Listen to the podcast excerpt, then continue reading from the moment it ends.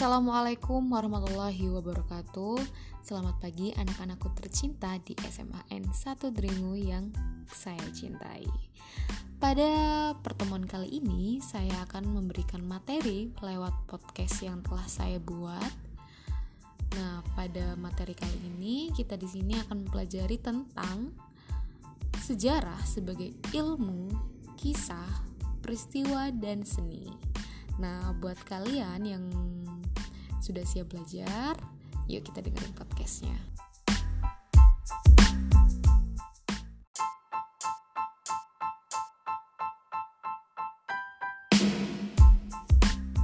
Nah, sebelum masuk ke dalam penjelasan apa itu sejarah sebagai ilmu, kisah, peristiwa, dan seni, nah kita ulas dulu nih pengertian sejarah tersebut. Untuk memahami pengertian sejarah, kita bisa mengambil setidaknya dua definisi yang terdapat dalam Kamus Besar Bahasa Indonesia atau KBBI. Nah, dalam KBBI sendiri, sejarah adalah kejadian dan peristiwa yang benar-benar terjadi di masa lampau. Jadi, peristiwanya itu benar-benar terjadi di masa terdahulu atau masa lampau. Selain itu, sejarah juga merupakan pengetahuan atau uraian tentang peristiwa dan kejadian yang benar-benar terjadi dalam masa lampau. Jadi nih, KBBI mencatat pengertian sejarah sebagai peristiwa dan sebagai ilmu. Paham ya?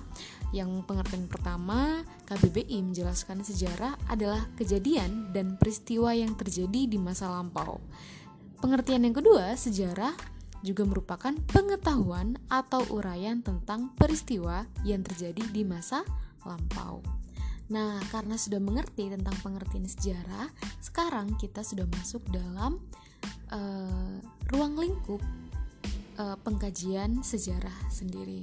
Nah, sejarah memiliki ruang lingkup di dalam pengkajiannya. Nah, berikut ini adalah empat ruang lingkup sejarah. Yang pertama adalah sejarah sebagai ilmu, sejarah sebagai kisah, sejarah sebagai peristiwa, dan yang terakhir sejarah sebagai seni. Kita mulai penjelasan dari sejarah sebagai ilmu terlebih dahulu.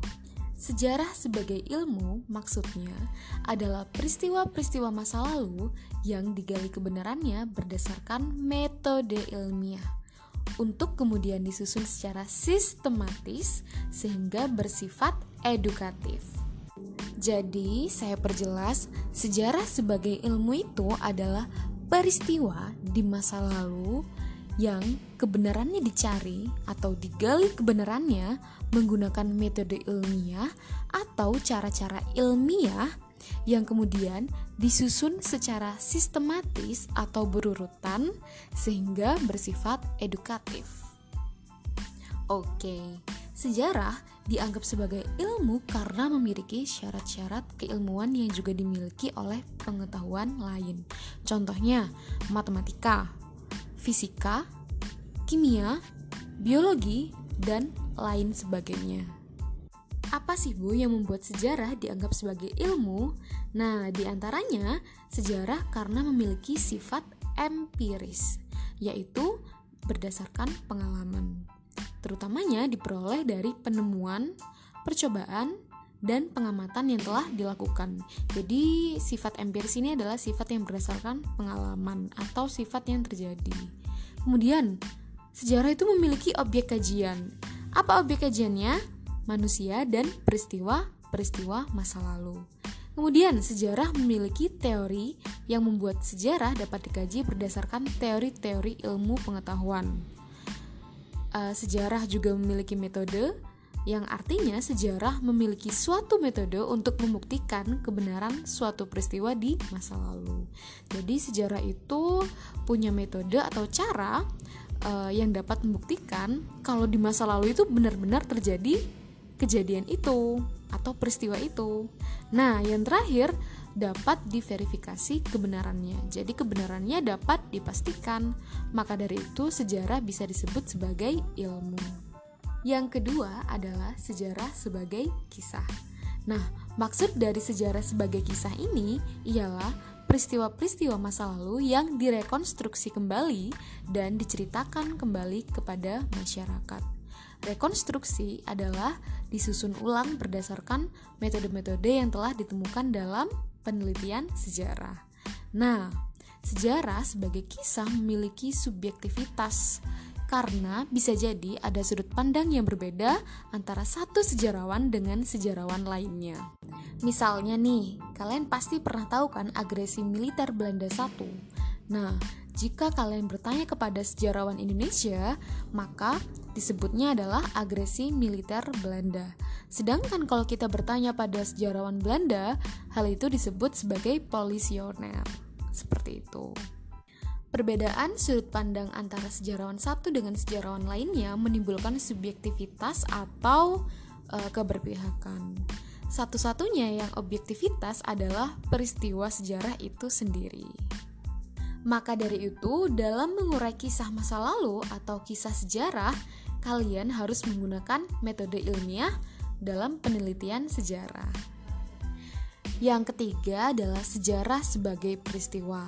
Nah, sejarah sebagai peristiwa ini berarti sejarah merupakan fakta yang berasal dari peristiwa-peristiwa masa lalu yang benar-benar terjadi. Nah, sebagai peristiwa nih, sejarah memiliki tiga sifat. Yang pertama objektif, yang kedua unik, dan yang ketiga penting. Objektif adalah lawan kata dari subjektif. Subjektif artinya keberpihakan, sedangkan objektif Artinya adalah sejarah harus benar-benar berdasarkan apa yang terjadi, bukan berdasarkan pemikiran para sejarawan. Maka dari itu yang objektif hanyalah peristiwanya. Ibaratnya eh, beberapa detik yang lalu terjadi kecelakaan di rumah kalian. Nah, cerita dari para saksi itu adalah sumber subjektif. Sedangkan peristiwanya adalah sumber objektif. Itu yang membedakan objektif dan subjektif dalam sejarah. Sifat yang kedua ialah unik. Unik artinya peristiwa sejarah tersebut bisa jadi hanya terjadi satu kali dan tidak berulang. Maka dari itu, sifat sejarah ialah enmalih. Sifat kedua ialah unik. Artinya, peristiwa sejarah harus terjadi satu kali dan tidak berulang. Misalnya, peristiwa proklamasi kemerdekaan Republik Indonesia hanya terjadi satu kali yaitu di tanggal 17 Agustus 1945 di Jakarta. Jadi kalau misalnya ada proklamasi lain di daerah lain, maka itu tidak bisa dijadikan sebagai proklamasi 17 Agustus 1945. Selanjutnya ialah penting karena peristiwa sejarah merupakan peristiwa-peristiwa penting yang memiliki dampak besar bagi kehidupan manusia atau bagi suatu bangsa. Kalau misalnya peristiwa kalian putus dengan pacar kalian, kalau itu menimbulkan dampak besar bagi kehidupan manusia atau bangsa, maka bisa masuk dalam jajaran sejarah. Kira-kira sejarah mantan itu ada nggak ya? Yang terakhir ialah sejarah sebagai seni, di mana peristiwa-peristiwa masa lampau dapat ditulis dan diceritakan kembali dengan faktual, namun penyajiannya secara estetis dan diwarnai oleh daya hayal atau imajinasi si penulisnya. Misalnya nih, ada kisah sejarah melalui media-media populer seperti film, komik, lantunan musik, lukisan dan sebagainya.